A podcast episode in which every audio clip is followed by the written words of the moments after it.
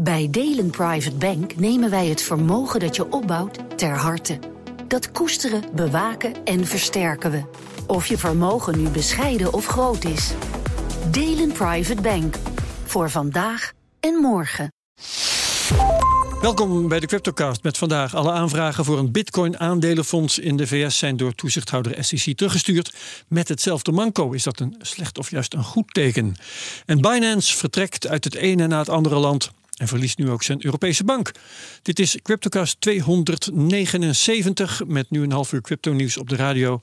Daarna gaan we door als podcast over strategieën in crypto vermogensbeheer met onze gast Tim Stolte. Hallo, welkom. Hey. Voor de tweede keer hier Quantitative Portfolio Manager bij Amdax. Mijn co-host is Bert Slachter. Hoi Bert. Goeiedag. Analist bij Bitcoin Alpha. We geven geen beleggingsadvies. Vorm je eigen mening, maak je eigen keuzes. Geef ons niet de schuld. Crypto kan lucratief zijn, maar is ook riskant. Oké Bert, uh, de Security and Exchange Commission in de Verenigde Staten heeft een hele rij aanvragen gekregen voor een ETF, een Exchange Traded Fund in Bitcoin. Een aandelenfonds dat de Bitcoin volgt. En deze week gingen ze allemaal retour afzender, want ze waren onvoldoende, vond de SEC. En ze zijn trouwens intussen alweer allemaal verbeterd en opnieuw ingediend. Dus wat was er uh, mis met die aanvragen? Ja, afgelopen vrijdag aan het eind van de middag toen bracht de Wall Street Journal het nieuws dat de SEC de huidige aanvragen inadequaat zou vinden. Dat zouden insiders dan weten, omdat het natuurlijk allemaal achter de schermen gaat. De SEC heeft dat niet publiekelijk gemeld. Um, en dat zou er dan om overgaan um, dat uh, dat er een onduidelijkheid in de aanvraag zit. En die zouden ze dan moeten aanpassen. Um, de Nasdaq en de CBOE, want dat zijn dan de beurzen waar die Bitcoin-ETF's genoteerd gaan worden. Um, in zo'n aanvraag van een ETF, daar moet de spot exchange genoemd worden, waarmee een zogeheten toezichtsovereenkomst wordt afgesloten. Um, dat geeft namelijk het handelsplatform waar die ETF genoteerd is inzicht in de data. Um, van een significant handelsplatform, zo noemen ze het dan. Um, waaraan het onderliggende genoteerd is, dus die bitcoin. En dat is dan ja. nodig om bijvoorbeeld uh, marktmisbruik te kunnen uh, detecteren. En in de aanvragen, al die aanvragen stond nu alleen maar dat er zo'n overeenkomst komt of is. Maar niet met welk handelsplatform. En dat moest worden toegevoegd. Oké, okay. en moet je dat dan zien als uh, de beurs waar dat aandelenfonds zijn bitcoin wil gaan kopen? Of is dat te simpel voorgesteld? Nou, niet per se. Hè. Dat is in het geval van um, die van BlackRock was dat wel zo. Hè. Die zegt van joh, wij gaan um, Coinbase gebruiken ook als custodian, als bewaarplatform. Ja. Maar het gaat erom dat er, dat er een. Nou, en dan gaat het om een gereguleerd, significant platform is waarmee die data wordt uitgewisseld, zodat de ETF-beurs zeg maar weet dat het onderliggende ook deugt. Ja, ja, maar gereguleerd en zo, dan is de keus ook niet zo ruim. Nee, dat klopt. Dat klopt. ja. dus je had het Coinbase. Nou, niet Binance in ieder geval. Nee, nee, nee, nee zeker niet. Nee, uh, dus dat is de reden dat er, dat er uh, in alle gevallen voor Coinbase is uh, gekomen. Um, en intussen gaat, is, is vastgesteld, dit gaat goed, want de SEC zegt in elk geval nog niet nee. Is dat een juiste redenering? Nou, die vind ik een beetje kort door de bocht. Hè? Ja. Want um, in, dit is geloof ik de, de, de dertigste of zo poging om een ja. ETF aan te vragen met voor spot uh, Bitcoin. En die, die eerdere zijn ook allemaal niet meteen afgewezen. En, dan heeft de SEC elke keer het, maximale aantal verlengingen van zo'n aanvraagsprocedure gebruikt. En dan kom je op 240 dagen of zo uit. En dan pas was het antwoord nee. Uh, dus dat zou in dit geval ook gewoon nog kunnen. Ja, Oké, okay. uh, zegt uh, Tim Stolten van Amdax. Uh, Amdax is een vermogensbeheerder in crypto. BlackRock is een vermogensbeheerder, wil nu naar zo'n zo'n ETF. Um, hoe kijken jullie daar als Nederlandse cryptovermogensbeheerder tegenaan? Nou ja, um, als je het over een ETF hebt, dan heb ja. je het echt over iets heel gecompliceerd. In ieder geval, daar moet je echt een expertise in hebben om dat aan te bieden. BlackRock heeft al meerdere ETF's uh, uh, natuurlijk op, uh, op haar naam staan. Ja. Um, Amdax doet dat niet, omdat wij eigenlijk uh, ons focussen op uh, discretionair asset management. Um, dus echt om, ja, met een persoonlijke touch. Um, en ja, een ETF is echt gewoon een heel ander beest. Ja, het is voor jullie ook niet zo zinvol, want jullie uh, kopen toch al gewoon bitcoins voor je klanten. Of je laat je klanten bitcoins kopen. Klopt, klopt, dat is waar. Dus het is niet iets. Ligt wat... op een ander publiek waarschijnlijk ook. Het is een ander publiek, absoluut. En het is ook niet iets wat je er zomaar even bij doet. Uh, er komen allemaal best wel, uh, best wel stappen bij kijken, wat je nu ook ziet bij BlackRock. Dus uh, ja. Ja, helder. Um, intussen is er een grappig jubileum, Bert. Eh, in, in de voorbereiding wees jij mij daarop. Maar uh, ja, de kaatste vraag nu even terug. Uh, het is tien jaar geleden sinds de eerste aanvraag voor een ETF werd gedaan. Ja, afgelopen zaterdag 1 juli was het tien jaar geleden. Op 1 juli 2013 diende de, de Winklevoss twins, hè, de broers die we nu kennen, Cameron en Tyler Winklevoss van, van Gemini. Um, Die hebben ze, ja, rond die periode hadden ze die plannen al bekendgemaakt. Maar toen dienden ze ook een aanvraag in voor de Winklevoss Bitcoin Trust. En dat was de eerste aanvraag ooit. En die is uh, afgewezen hè, als, een van, als de eerste. De eerste afwijzing ook. En dat betreft wel treffend dat BlackRock, de grootste vermogensbeheerder ter wereld, dat nu tien jaar nog een poging waagt. Ja, waarmee het weer wat meer legitimiteit krijgt. Maar of het wordt goedgekeurd is nog altijd de vraag, hè, ook in dit geval. Ja, nou wat, wat we wel zien is dat um, uh, als je kijkt naar um, een aantal dingen in de markt, hè, bijvoorbeeld de Grayscale, hebben we het over het Grayscale fonds gehad. Ja. Nou, daar zit een verschil tussen de, de koers. Bitcoin beleggers op dit moment. Je kunt er aan de voorkant wel in, maar de achterkant niet uit. En um, die discount die loopt terug, dat is één. En twee, de Coinbase koers. De koers van het Coinbase aandeel loopt, loopt behoorlijk op. En dat zijn wel signalen waarvan analisten dan zeggen van, nou ja, um, uh, die wijzen erop dat er mensen zijn die met hun geld de, de, de mening uitdrukking geven dat ze denken dat hij er gaat komen. De markt denkt, ja. ja, maar de SEC beslist. Kijk, je kunt zeg maar wel een mening hebben, maar als je er ook geld op inzet, ja, dan is dat misschien iets meer waard. Hè? Ja, dus dan reken je op de wisdom of the crowds. Maar ja, dus dat zijn aanwijzingen. Waard is. Ja, de winkelvosjes doen die op dit moment eigenlijk mee? Ik geloof het niet, hè? Nee, er zijn wel meerdere ETF-aanvragen die nu lopen. Um, daarvan zijn ook twee echte cryptobedrijven in de, in de race nog. Uh, Bitwise en Valkyrie. De rest zijn grote vermogensbeheerders. Uh, waaronder is BlackRock en Fidelity, dat is de nummer drie. Um, maar uh, Gemini niet, of de winkel. Nee, nee. Uh, en jij noemt de effecten van deze hele affaire op de koers van Coinbase. Um, destijds, tien jaar geleden al, werd gezegd van oh, als, als zo'n ETF er komt, dan zul je zien wat de koers van Bitcoin een vlucht gaat nemen. Um, ja, uh, intussen is Bitcoin een heel ander ding geworden, zou ik bij kunnen zeggen. Veel meer marktkapitalisatie. Um, veel meer mogelijkheden ook voor mensen om, om erin te stappen op allerlei manieren. Dus wat zou het nu nog uitmaken? als er een ETF, ETF, komt. Ja, toch nog wel meer dan we denken. En dat heeft ermee te maken dat uh, BlackRock en dan BlackRock iShares, dat is echt wel een merk. Dat is echt wel een merk met een reputatie. Um, je zegt, we hebben wel een spreekwoord. er is nog nooit iemand ontslagen omdat hij IBM had aanbevolen. Ja, weet je wel, Microsoft. Microsoft. Ja. dat geldt ook een beetje voor BlackRock iShares. Hè. Dus um, er zijn heel veel meer soorten risico's dan alleen maar van kan ik het kopen. Hè. Reputatierisico is dat, dat noem ik nu net. Compliance, hoe ga ik het bewaren? En dit zijn, eh, dat BlackRock zoiets aanbiedt, dat is voor een best wel significante groep toch wel een, een, maakt het verschil tussen, nou dat, zijn, dat is me een te groot risico of het past niet in mijn mandaat, naar hey, nu kan ik het eventueel wel een plekje geven of ik mag het adviseren. Hè. In Amerika wordt er ook ontzettend veel kapitaal een soort van beheerd hè, door, door um, um, financieel adviseurs die mensen of huishoudens helpen of adviseren om op een bepaalde manier hun geld uh, te, te verdelen of te beleggen. Dus ja, ik denk wel dat het meer, meer is dan alleen maar, ach, nu is die er ook in Amerika. Ja, ja, daarom had natuurlijk ook de aanvraag van BlackRock al de nodige effecten op uh, ja, koers. Ja, inderdaad. Dan komen we gelijk op de prijzen. Dat doen we altijd met Bert Slachter, analist bij Bitcoin Hij zit er nu toch. Hij zit er nu toch, dat is makkelijk. Um, ja, uh, anderhalve week gaat het nu alweer uh, zijwaarts. Maar we kruipen wel steeds dichter naar die 31.000 toe. afgelopen vijf dagen waren groen. Dat komt ook niet zo heel veel voor, al waren de verschillen heel klein. Maar ja, wat, wat zeg jij van, uh, is dat significant op dit moment?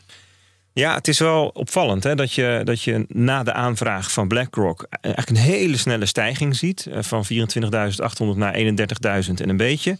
Um, 27 procent. En daarmee in een paar dagen, in acht dagen, is die hele lange correctie vanaf 14 april van twee maanden tijd in één keer goed gemaakt. Je weer op hetzelfde punt. Dus dat is, dat is teken van kracht. En dan nu gaat het zijwaarts. En hoe kan dat dan?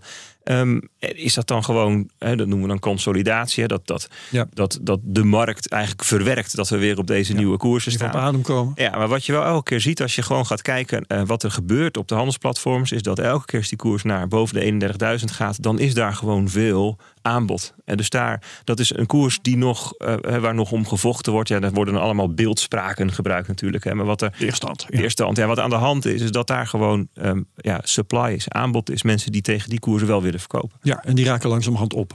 Ja, dat is dan de hypothese. Hè? Ja, Kijk, het kan ook natuurlijk zijn altijd zo, ja. dat er voor die tijd iets nieuws gebeurt. Dat, En dat er nieuwe informatie komt die de markt verwerkt. En dat misschien de koers neerwaarts gaat. Dat zou kunnen. Ja. Ehm, in, in Bitcoin Alpha was jullie analyse dat er nu een nieuwe weekly cycle is aangebroken. Wat, wat is dat ook weer?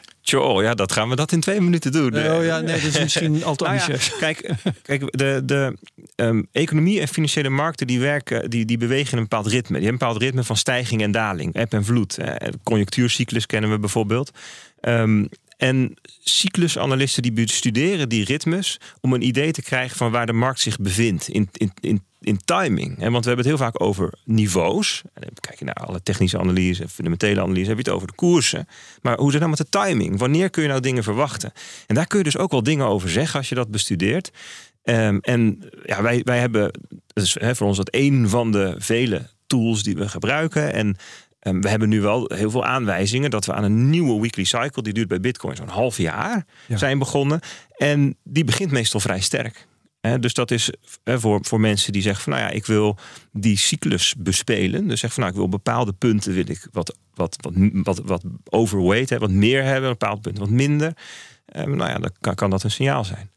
Ja, ja. maar eh, is daarmee bedoeld een periode van stijging? Is dat wat jullie verwachten? Of is dat te makkelijk? Nou, dat hoeft niet per se. En want dat hangt er weer vanaf. ehm ehm, eh, eigenlijk wat er in de fundamentele wereld gebeurt. Hè, wat de seculaire trend is. En die heeft bij Bitcoin heel veel te maken met adoptie. Hè. Als, als iedereen stopt met het te gebruiken, dan gaat het uiteindelijk gewoon naar nul. Weet je, zo simpel is het Zo natuurlijk is ook. het. Ja. Ja. Eh, mooi. Ehm, wat prijzen betreft hadden we eigenlijk het grootste spektakel eh, eh, deze week juist niet bij Bitcoin, maar bij Litecoin.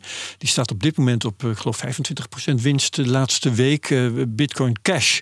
Notabene, hè, de, de verguisde eh, afsplitsing van Bitcoin van een eh, jaar of wat is het, zes geleden. Ehm, die stond op 50% winst. Ja, als een raket. Ja, Ja. ja. Ja, nu nog 25%. Eh wat, wat is daar aan de hand? Wat doen die? Ja, dat heeft allemaal te maken met wat we in de, de beweging die we in de Verenigde Staten zien. Hè, daar, daar komen we uit een lens waardoor we zeggen van nou het hele crypto moet weg.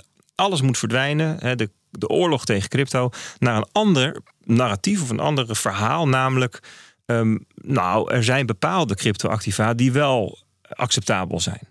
Die geen eh, security zijn. Bijvoorbeeld. Effect. Hè, bijvoorbeeld, of waar niet gefraudeerd is, of noem het allemaal ja, maar ja. op. En in, in dat bakje zit Bitcoin. En dat, daar is eigenlijk niet zo over eens. Maar je ziet ook bijvoorbeeld Litecoin, Bitcoin Cash en ehm, eh, ja, misschien, eh, Ethereum ook Ether, vaak ja. wel, wel, wel terugkomen als, nou ja, die zitten dan in ieder geval aan de, kant, aan de goede kant van de streep. Hè, bijvoorbeeld ehm, EDX Markets, daar hadden we het vorige week of twee weken geleden over in de exchange. CryptoCard. Ja, nieuwe exchange, die pakt die vier. En we zien dat ook in Hongkong. Daar wordt dan een lijst gemaakt. Wat gaan we dan wel doen? Hè? Daar zijn ze van een totaalverbod eigenlijk naar eh, wel toestaan. En dan maken ze een lijst. Nou, wat staat daarop? Dan zie je weer gewoon een aantal. Er zijn zelf de namen die terugkomen.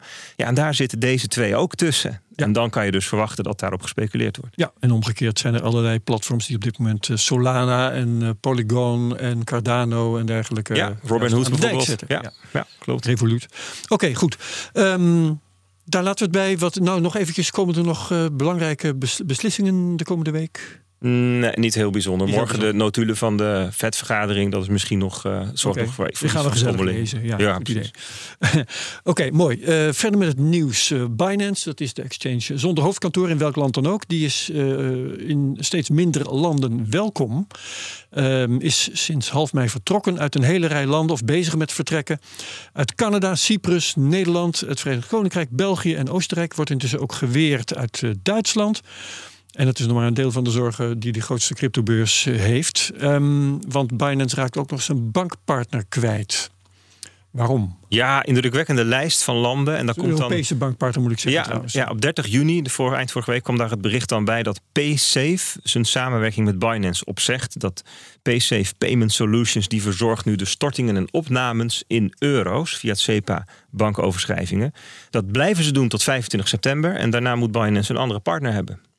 Dus geen opnames en stortingen in euro's meer voor Ja. Binance. En, en kunnen ze die krijgen?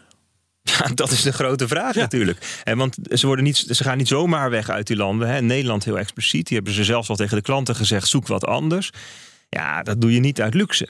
Hè. Dus ze zijn nu ook eh, in Frankrijk hebben ze eh, een hoofdkwartier gevestigd en willen ze ook de, de MICA-vergunning gaan aanvragen. Maar ja, zelfs daar liggen ze nu onder vuur van het Openbaar Ministerie, die een onderzoek tegen zware witwasovertredingen is ge- gestart. Dus ja, dan moeten we maar afwachten. Ja. Um, Oké, okay. uh, is, het, is het toeval dat de toezichthouders overal in de wereld op dit moment Binance moeten hebben? Nee, ja, dat denk ik dus niet. Nee. De, vraag, de, kijk, het punt is, we weten niet precies wat er, wat er aan de hand is. Hè? Het zijn allemaal aanklachten. En ja. dan moet in die aanklachten dan moet nog um, met bewijs gekomen worden. Maar het rijtje van dingen waar het dan om gaat, ja, dat is gewoon wel nou, smerig. Praat je over uh, witwassen en dat soort nou ja, kijk, ik denk, denk dat je drie dingen kunt noemen. Onvoldoende bescherming van de klant.